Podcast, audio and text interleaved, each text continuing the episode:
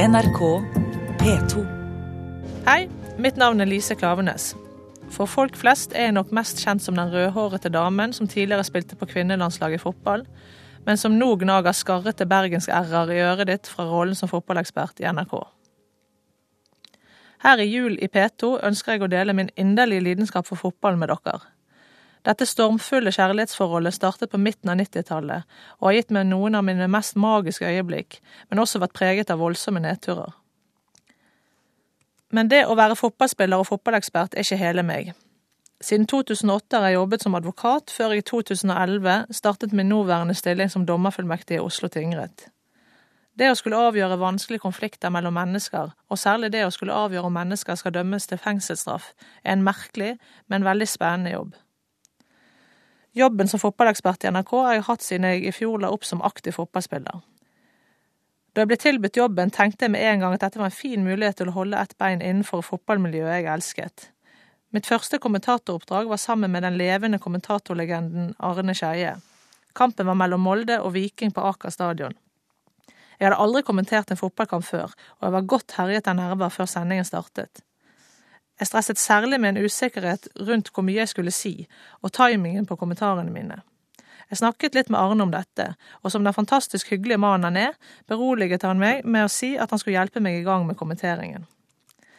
Vi avtalte at han skulle gjøre tegn med hendene de første gangene han ønsket at jeg kommenterte noe. Arne trette på seg kommentatorkapsen sin på sedvanlig måte, og jeg rullet ut mine overdrevne mengder notater på bordet foran. Kampen ble blåst i gang. Kampens første ti minutter passerte uten noen håndbevegelser. Jeg konkluderte med at Arne, som tydelig trives i kommentatorboblen, antagelig ville at kampen skulle sette seg litt før sidekommentatoren kom på banen. Ytterligere ti minutter passerte. Ennå ikke noe tegn fra Arne. Jeg kjente på et gryende stress. Er det vanlig at det nesten går en halv omgang før sidekommentatoren sier et eneste ord? TV-seerne risikerer vel små infarkter hvis jeg plutselig nå skjærer av gårde med skarp bergensdialekt. Jeg lente meg tilbake. Dette har Arne drevet med siden før jeg ble født. Jeg tvang meg sjøl til å slappe av. Kommentatorlegenden satt oppspilt på stolen ved siden av meg og var i fyr og flamme over dramaet som utspant seg på gressmatten foran oss. Da halvtimen av kampen var ferdigspilt uten så mye som et tics fra Arne i min retning, innså jeg det. Han hadde glemt meg. Det virket som en umulig oppgave å nå skulle komme på banen med noen velvalgte ord. Jeg tok sats og lirte rødmende av meg noe om Vikings angrepsspill. Straks dommeren blåste til pause, ilte jeg til toalettet. Jeg så meg sjøl i øynene i speilet, kastet litt vann i ansiktet og sa høyt til meg sjøl. Kom for helvete igjen, det kan ikke bli så mye verre enn dette. Jeg tok opp telefonen og leste to av SMS-ene jeg hadde fått fra ukjente numre. Fra den ene kunne jeg lese følgende beskjed. Kom deg ut av kommentatorboksen, du er latterlig kjerring. Beundringen fra den andre avsenderen var ikke noe større. I denne SMS-en sto det. Selv om du er en ræva kommentator, slipper vi i hvert fall å se ditt stygge ansikt. En TV-jobb er veldig synlig for folk, og forbausende mange er ekstremt interessert i fotball. Sånn sett innebærer jobben en voldsom eksponering, på godt og på vondt. Til sammenligning vil aldri en juridisk dom jeg skriver, nesten uansett hvor tvilsom og alvorlig det jeg skal ta stilling til i saken er, resulterer i nærheten av samme grad av engasjement fra så mange som hvis jeg kommer med en kontroversiell kommentar om for eksempel Vålerenga fotballklubb. Selv om jeg mottar mye god og velment tilbakemelding for jobben jeg gjør som fotballekspert, er det liten tvil om at rollen som kvinnelig ekspert på en mannsdominert arena òg innebærer at jeg må tåle mange usaklige og vonde tilbakemeldinger fra anonyme seere. Stort sett etter hvert TV-oppdrag må jeg regne med å motta SMS-er, mailer, Twitter-meldinger eller lignende, hvor mennesker gir uttrykk for min udugelighet og eller mitt grusomme utseende. Under en cupsending i år mottok jeg for eksempel følgende anonyme melding. Du både ser og høres ut som en slaur. Det er pinlig å se på deg. Slaurajente. Jeg har mottatt mange verre meldinger enn dette opp igjennom. Likevel rammet denne meldingen meg uforholdsmessig hardt, og jeg kunne kjenne hvordan god stemning og selvfølelse ved disse ordene brått ble snudd til defensivitet, og at jeg ønsket at sendingen skulle ta slutt fortest mulig. Jeg tror reaksjonen min knyttet seg til det nedverdigende og det kjønnsinnrettede budskapet. Hvis jeg skal være ærlig, venner jeg meg faktisk aldri til det faktum at jeg, fordi jeg er kvinne, må tåle evaluering knyttet til utseendet i langt større grad enn mine mannlige kolleger. Vi har tross alt samme stillingsbeskrivelsen. Som med alt annet i livet har jeg blitt mer tjukkhudet, kanskje mer stålsatt for de kommentarer som jeg vet vil komme, om stor nese, skjærende stemme eller annet. men for at jeg skal klare å takle jobben, har det for meg likevel vært viktig å erkjenne at disse kommentarene plutselig, og igjen og igjen, kan føles som skikkelige piskeslag som gjør vondt. På denne måten kan jeg bruke disse elementene som en positiv drivkraft i seg sjøl. Jeg nekter å la mennesker som sender anonymt dritt, diktere hvordan jeg skal leve livet mitt. Men innimellom koster dette noen tårer, og selv om jeg etter hvert må anse meg sjøl som en voksen dame, noen såre telefonsamtaler hjem til mor. Første låt ut er en personlig favoritt, 'Supergirl' av Raymond. Da jeg la opp fotballen i fjor, hadde jeg fullført 17 sesonger som toppspiller. I ti av disse årene fikk jeg æren av å spille med det norske flagget på brystet. Da jeg ga meg, hadde jeg spilt nærmere 80 landskamper for Norge. Som jeg vil komme tilbake til litt seinere, var landslagskarrieren min preget av store oppturer og kraftige nedturer. Jeg kan likevel si at jeg var like rørt før hver eneste landskamp. Lite i livet mitt har kunnet måle seg med den følelsen av stolthet og samhold som jeg følte for hver eneste landskap, der vi sto hånd i hånd og kjempet en dødfødt kamp med de uforholdsmessig høye tonene i Ja, vi elsker. I tillegg til å spille i den norske toppserien tilbrakte jeg to år som profesjonell spiller i det som den gang var arrangert som verdens beste klubblag, Umeå FC. Her fikk jeg den store gleden og æren av å spille sammen med verdenshistoriens beste fotballspiller på kvinnesiden, nemlig brasilianeren Marta Vieira da Silva. Marta er kvinnefotballens svar på Maradona og Messi, og et slikt talent og et geni som det kun finnes én av per hundrede år. Jeg avsluttet fotballkarrieren min med tre fantastisk fine år i Stabæk, hvor jeg fikk med meg et seriegull og et cupgull. Cupgullet kom i det som skulle bli min siste fotballkamp, cupfinalen 2011. Vi skulle møte vår argeste rival gjennom alle tider, Røa fotballklubb. Røa hadde på tidspunktet vunnet fire cupfinaler på rad, og for oss var dette laget for lengst blitt et mareritt som hele tiden sto i veien for at vi skulle klare å klatre til øverste trinn på pallen. For meg personlig var det en seier å rekke å bli klar til cupfinalen. Jeg røk akilleshælen tidligere i sesongen, noe som innebar operasjon, mange måneders rehabilitering og at jeg mistet sommerens VM i Tyskland. Etter hvert ble mitt store mål å bli frisk nok til cupfinalen, og med nød og neppe klarte jeg det. På kvinnesiden er cupfinalen det desidert største man kan være med på som klubbspiller. Cupfinalen dette året skulle sågar gå i Telenor Arena, noe som nesten kunne anses som vår hjemmebane, ved at vi spilte mange av våre ligakamper i denne hallen. Dagen før kampen fikk vi vite at man anslo at det skulle komme mer enn 8000 tilskuere. Og det var Stabækslagets første cupfinale, og vi gledet oss enormt til kampen. Når jeg lukker øynene og virkelig kjenner etter, kan jeg ennå for mitt indre fremkalle den elektriske stemningen som var i garderoben før kampen startet. Det var en stemning preget av nerver, forventninger, feststemthet, glede, men òg en veldig nærværende frykt for å feile. Alt dette resulterte i en følelse av total tilstedeværelse og en erkjennelse av at man er avhengig av laget for at den hypede energien skal kunne resultere i suksess og ikke i fiasko. Samtidig som vi fulgte våre individuelle kamprutiner, som for eksempel å teipe ankler, smøre tigerbalsam på leggene eller annet, pleide vi i Stabæk-leiren å bruke disse siste minuttene før oppvarming til å fyre opp kampmusikk på fullt, samtidig som vi oppsøkte øyekontakt med medspillere for å sende god energi og signaler om at man var innstilt på å gi alt for laget. Jeg har etter at jeg har blitt fotballpensjonist innsett at denne følelsen av total tilstedeværelse og spissede innrettelse mot det samme målet er helt unik for det å drive toppidrett i et lag. En del av meg vil nok alltid leite etter denne følelsen i andre ting jeg driver med, men jeg frykter at jeg aldri finner den igjen. Den ultimate garderobesangen har for meg vært Now We Are Free fra filmen Gladiator. Cupfinalen 2011 startet absolutt ikke som vi i Stabæk-leiren hadde planlagt. Fotball er et merkelig spill på den måten at det med jevne og ujevne mellomrom kommer dager der absolutt ingenting stemmer for laget. Disse dagene kommer ofte helt uten forvarsler, gjerne når energien under oppvarmingen virket upåklagelig, og i perioder hvor laget ellers har vært i god form. På slike dager kan det være utrolig vanskelig å peke på årsaken til problemet, og dermed vanskelig for spillerne på gresset å snu den negative trenden. Denne cupfinalen var en sånn helvetesdag. Vi måtte slite beinhardt fra første minutt av kampen, og vi klarte egentlig aldri å finne noe rytme i spillet vårt. Takket være god lagmoral og en usannsynlig stor porsjon flaks, klarte vi to ganger å innhente Røas velfortjente ledelse. Vi hadde dermed, og nesten på mirakuløst vis, karret oss til straffekonk. Som de fleste kjenner til, så foregår straffekonk ved at det er det laget som har skåret flest straffer av fem forsøk som vinner. Hvert lag plukker derfor ut fem spillere som hver for seg skal gå de nervepirrende stegene fra midtsirkelen til ellevemetersmerket hvor straffen skal tas fra. Hvis stillingen er uavgjort etter disse fem forsøkene, må kampen avgjøres ved at det plukkes ut én og én fra hvert lag som skal ta nye straffer. Det å delta i straffekonk i viktige kamper innebærer voldsomme nerver fra de fleste, inkludert meg sjøl. I denne kampen skulle jeg ta den siste av de fem første straffene. Røa var på tidspunktet over med ett mål, noe som betød at kampen var tapt hvis jeg bommet. Jeg kan ikke huske at jeg noen gang har vært så nervøs som jeg var i forkant av denne straffen. Avstanden fra midtsirkelen til straffemerket føltes milevis lang, og det var som om beina ikke helt klarte å bære vekten av kroppen min. Det eneste jeg klarte å tenke på, var ulike grunner til å slenge beina på nakken og spurte ut av hallen. Verken forklaring om akutt diaré eller plutselig dødsfall i familien virket særlig gangbare. Jeg har ikke for vane å be til Gud, men de siste ordene jeg kan huske at jeg tenkte i tilløpet, var ordene Kom igjen, for faen, Gud, ikke gidd å la meg bomme.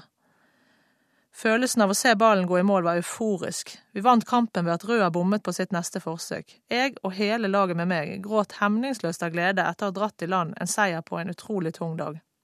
Kampen ble virkelig et verdig punktum for min 17 år lange fotballkarriere. Sangen du hørte var We Are The Champions med Queen, som er den sangen som alltid spilles for cupfinalevinneren. Du hører på Julie P2, og mitt navn er Lise Klavenes. Selv om det ikke var kjærlighet ved første blikk mellom meg og ballen, utviklet forholdet seg etter hvert til å bli en ekstrem lidenskap i mitt liv. Jeg begynte imidlertid ikke å spille fotball før jeg var nesten 13 år, noe som i grunnen er altfor seint hvis man skal ha håp om å bli skikkelig god. Min far hadde takket ja til å trene det lokale småjentelaget, og han spurte om ikke jeg òg ville være med, da laget manglet spillere. Jeg var veldig opptatt av at pappa skulle være stolt av meg, så jeg sa ja. Jeg stilte på min første kamp for Kvernbit IL med blomstrete sykkelshorts og rosa joggesko med sølvbelagt borrelås. Jeg skulle spille venstreback, altså på venstresiden i forsvar, en posisjon jeg antageligvis fikk for at det skal holdes mest mulig borte fra begivenhetens sentrum. I disse dager spiller de fleste barn fotball på kunstgress, men på den tiden var det grus som gjaldt. I begynnelsen av kampen gjorde jeg noen halvhjertede forsøk på å få medspillere til å sentre ballen til meg. Jeg hadde sett at det da gjaldt å stikke den ene armen i været og rope Her, jeg er med! Men etter hvert som ball glimret helt med sitt fravær på min side, innså jeg at utsiktene for involvering var ganske små. Jeg begynte da å samle grus i hendene og eksperimentere med hvordan man lettest kunne skille småstein fra sand.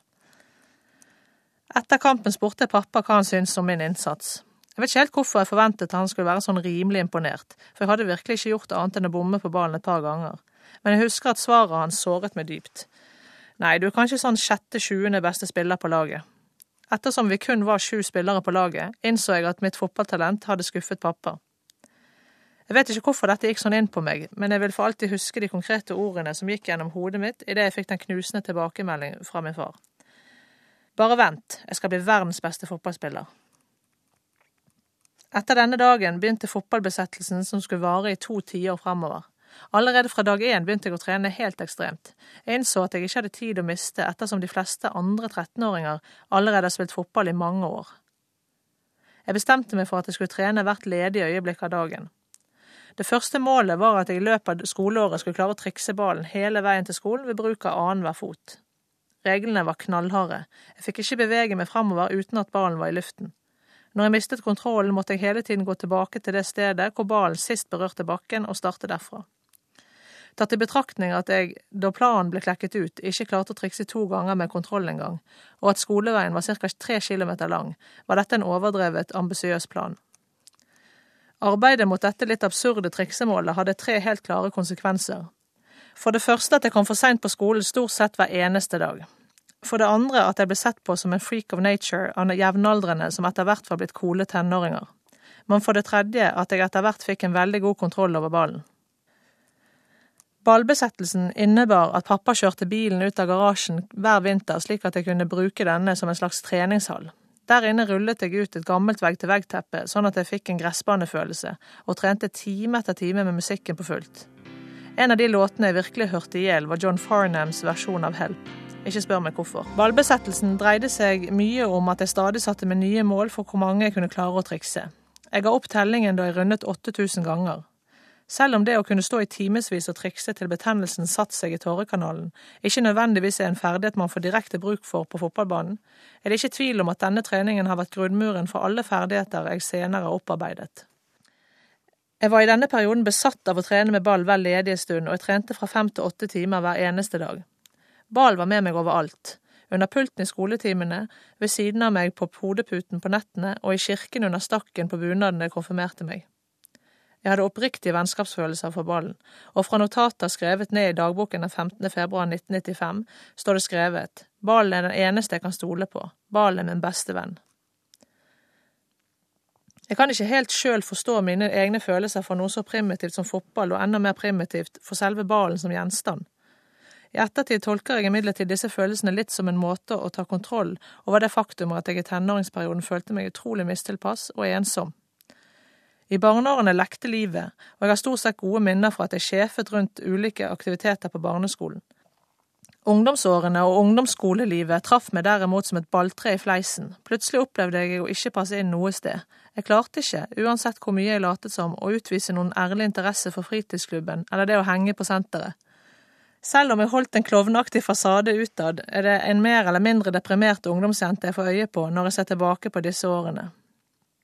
Offisielt overfor meg sjøl var alle jevnaldrende barnslige og plumpe. Kjernen i problemet var nok likevel det faktum at selvforakten nådde et ubeskrivelig klimaks i denne alderen. Jeg var ingen vakker tenåring, og jeg kunne ikke tenke meg noe styggere eller mer frastøtende enn det kvisete og uproporsjonale trynet jeg måtte forholde meg til i speilet hver morgen. I dette klimaet ble ballen og treningen redningen ved at jeg hele tiden hadde noe konkret å jobbe mot. Dette konkrete ga meg en eller annen form for mening, og det ga meg ikke minst en fluktmulighet ut av det miljøet jeg ikke fant noe plass i. Som den ensomme ungdomsjenten jeg var, hørte jeg mye på musikk for å få utløp for frustrerte følelser. Neste låt, 'Unbreak My Heart' av Tony Braxton, var ofte det siste jeg spilte på stereoanlegget før jeg sovnet med en hånd på den oransje selektballen. Da jeg var 15 år, altså to år etter at jeg stilte med blomstrete sykkelshorts på min første fotballkamp, ble jeg tatt opp i stallen til det beste toppserielaget på Vestlandet på den tiden, Sandviken IL. I tillegg ble jeg tatt ut på Norges U-landslag. Beskjeden om dette landslagsuttaket er noe jeg aldri vil glemme. Jeg hadde matte på Meland ungdomsskole, og satt som vanlig ved pulten min ved vinduet. Jeg husker godt at det hersket en litt sånn tung, øredøvende stillhet i rommet, som tydet på at vi hadde fått oppgaver som engasjerte klassen. Personlig satt jeg og rullet ballen med sålene under pulten.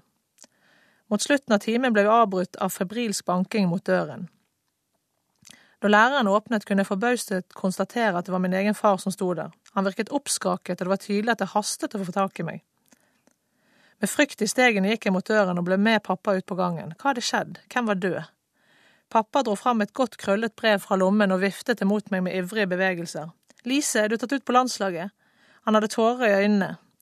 Det jeg ikke visste da, var det som jeg har konkludert med mange ganger siden. Ting kunne aldri bli større enn det jeg opplevde med min far utenfor klasserommet til klasse 8B akkurat da. Det at jeg klarte å nå så store mål på kun to–tre år, har gitt meg en styrke som jeg hele tiden har med meg i livet. Ikke fordi jeg smykker meg med en følelse av at dette bekrefter et stort talent. Tvert imot, jenten med de rosa borrelåsskoene hadde ikke noen evneverdig stort fotballtalent. Nei, styrken ligger i den vissheten dette har gitt meg om at hardt arbeid og stayerevne er det som vinner fram til slutt. Dette harde arbeidet og denne stayerevnen hadde, som tidligere nevnt, sitt utspring i den ganske ekstreme lidenskap jeg plutselig utviklet for fotball, og da særlig for ballen i seg sjøl. Det er imidlertid ikke så lett å fange opp og identifisere hva som gjør at man kan utvikle en sånn lidenskap. Etter at jeg har lagt opp fotballen, har jeg innsett at det er ganske vanskelig å finne tilbake lidenskapen i andre ting jeg bedriver. Vi lever i dag i veldig omskiftelige omgivelser hvor vi daglig utsettes for hundre og tusenvis av forskjellige digitale inntrykk via Twitter, Facebook, TV, radio osv. Felles for alle disse kildene er at de fleste har til formål å underholde oss. I et slikt landskap har utvikling av lidenskap for noe en sjøl skal drive med, et ganske dårlig vekstvilkår. Jeg innbiller meg at alle de digitale underholdningstilbudene vi presenteres for i dag, gjør det mer utfordrende for nåtidens ungdom å kunne klare å utvikle den nødvendige lidenskapen som trengs for å virkelig komme inn til kjernen i sin egen drivkraft. Sånn jeg ser det, kan ikke lidenskapen vokse uten at man er villig til og har anledning til å investere tid og tålmodighet i det man har satt seg som mål. Det er nok først i sakteheten at man finner det som er sterkt nok til å danne lidenskap. Her kommer en av de låtene som hjelper meg til å finne roen når jeg trenger det, nemlig Rain Down On Me med Thomas Dybdahl. Videre betinger lidenskapen at man må tåle litt underveis. Egentlig ligger det litt i ordet lidenskap. Man må lide litt for å nå de målene man setter seg. Alle gode ting i livet har en vondere bakside, og alt som virkelig er verdt noe for en, har kostet noe å oppnå. Min lidenskaps største smell kom året 2007. Jeg var på tidspunktet 26 år gammel og en av de mest rutinerte landslagsspillerne i den norske landslagstroppen. Sammen med landslaget var jeg på vei hjem fra VM i Kina, der vi hadde tapt 4-1 for USA i bronsefinalen. Sånn som konkurransen har blitt internasjonalt, var ikke dette et dårlig resultat, men det norske kvinnelandslaget er fra før så merittert at en fjerdeplass aldri vil være godt nok. Spillerne og støtteapparatet med landslagssjef Bjarne Berntsen i spissen var derfor veldig skuffet da vi vendte nesen hjem fra over en måneds samling i Kina. Da vi nattestid endelig landet på Gardermoen etter en 24 timers lang flytur, ønsket landslagssjefen å snakke litt med meg. Jeg hadde et godt forhold til sjefen og ante fred og ingen fare. Berntsen tok meg litt til side ved bagasjebåndene. Ettersom det var midt på natten, var det ikke mange andre i ankomsthallen enn den norske landslagstroppen. Jeg husker at sjefen sto rett foran meg og stirret meg inn i øynene mens han sa følgende ord. Jeg kommer ikke til å satse mer på deg. Ettersom jeg ikke var forberedt på dette temaet i det hele tatt, forsto jeg rett og slett ikke innholdet av det Berntsen sa til meg. Jeg spurte hva han mente med det. Berntsen fulgte da opp med å si at han hadde funnet ut at jeg ikke passet inn i landslagets spillestil. Jeg måtte virkelig konsentrere meg for å klare å favne om de ordene som ble sagt. Han nevnte videre at han hadde stor sans for min personlighet og mine ferdigheter, men at jeg var en individualist som ikke passet inn i laget. Der og da følte jeg at det gikk i oppløsning. Det var akkurat som jeg knuste i mange deler. Jeg fikk kommet meg bort til en benk som sto litt i skjul fra de andre spillerne. Jeg vet ikke hvorfor, men det var helt avgjørende for meg at ingen av de andre skulle se på meg hva som hadde skjedd, og hvordan jeg hadde reagert på dette. Jeg satt på denne benken i mange timer før jeg klarte å komme meg fra flyplassen. I løpet av disse timene bestemte jeg meg for å legge opp fotballen. Det virket helt meningsløst å fortsette, og alt arbeidet jeg hadde lagt ned, virket bare patetisk der og da. En ting var å bli vraket fra laget, som fotballspiller opplever man jo det fra tid til annen. Nei, det som virkelig gjorde at jeg fikk et skudd for baugen, ikke bare som fotballspiller, men også som person, var ordene som hadde blitt sagt om at jeg ikke var noen lagspiller. Alt jeg hadde bedrevet de siste årene, knyttet seg jo til lagspill, og min høyeste drøm var landslaget. Jeg oppfattet setningen om at jeg ikke passet inn i laget som en oppsummering av alle disse tiårene, og jeg følte meg som ingenting verdt. Noen uker etter at landslagssjef Bjarne Berntsen vraket meg fra landslaget en natt på Gardermoen, innså jeg at jeg måtte, hvis jeg skulle unngå å bli bitter og redusert, tørre å vurdere om det var noe i det budskapet Berntsen hadde formidlet til meg. Var det riktig at jeg ikke var noen lagspiller? Hadde ikke jeg etter beste evne forsøkt å innpasse meg ved å følge de instruksjoner vi fikk av treneren til enhver tid? I et siste forsøk på å kunne fortsette med å spille fotball, bestemte jeg meg for å tørre å ta inn over meg eventuelle vonde realiteter ved meg sjøl som jeg ikke sjøl hadde innsett. Jeg begynte å konfrontere folk rundt meg med hvordan de oppfattet det Berntsen hadde sagt. Det var først da jeg pratet med min egen mor at etterforskningen fikk sitt gjennombrudd. Vet du hva problemet er, sa hun. Problemet er at du er helt lik din far, Lise. Dere er sånne typer som bare må gå litt utenfor den veien andre går. Ikke mye, men akkurat nok til å irritere livskiten ut av ledere som er opptatt av å ha kontroll. Det var liten tvil om at det min mor sa, stemte. Jeg kunne på et vis forstå hva landslagssjefen hadde følt og ment. Dilemmaet var bare at denne egenskapen av å kunne gå egne veier i mange andre sammenhenger var min største styrke som fotballspiller. Det var nettopp denne egenskapen som hadde fått meg til å trene så hardt og så sært at jeg klarte å nå de målene jeg hadde satt meg som ungdom. Selv om dilemmaet ikke har noen endelig løsning, ble denne erkjennelsen et stort vendepunkt i min karriere. Det å løpe ut på gresset ikledd drakt nummer 20 innebar plutselig en mye større frihetsfølelse enn tidligere. Jeg var ikke lenger redd for å ikke passe inn i det systemet landslagsfotballen sorterte under. For det første følte jeg at jeg hadde opplevd det verste, nemlig å bli holdt utenfor laget jeg elsket å være en del av. I tillegg ble jeg veldig bevisst på at alle mellomløsninger ville forbli nettopp det, mellomløsninger. I for mange år hadde jeg forsøkt å tilfredsstille de systemkrav som stilles til en norsk landslagsspiller. For meg betød dette avklippede vinger og redusert selvtillit. Skulle jeg leve ut lidenskapen slik den levde i meg, måtte jeg tørre å komme skikkelig ut av skallet som den spillertypen jeg var, samtidig å ha forståelse for at noen ville kunne mene at stilen min var for ustrukturert og impulsiv. I ettertid ser jeg på denne hendelsen som noe som sparket meg til å ta et steg videre som fotballspiller og som leder på banen. Det som startet ved at landslagssjefen gjennom knusende ord gjorde meg sikker på at jeg var ferdig som fotballspiller, endte nemlig opp som begynnelsen på mine siste år som fotballspiller, der jeg i mye større grad slapp meg løs på banen og utviklet evnen til å også se andre spilleres behov. Det hører dessuten med til historien at jeg to år etterpå gjorde comeback på landslaget, og sånn sett fikk en fin anledning til å skrive siste kapittelet av min egen landslagshistorie selv. I tillegg til rollen jeg har som fotballperson, juridisk dommerfullmektig og advokat, har jeg nettopp trådt inn i rollen som mamma til lille Viljar. Vår lille gutt ble født for kun fire uker siden, og følelsen av å bli mamma er surrealistisk stor og sårbar. Fødselen var min tøffeste kamp noensinne, men etter at sønnen vår ble lagt på brystet mitt etter to døgn med rier, fikk alle klisjeer om kjærlighet ved første blikk fornyet innhold.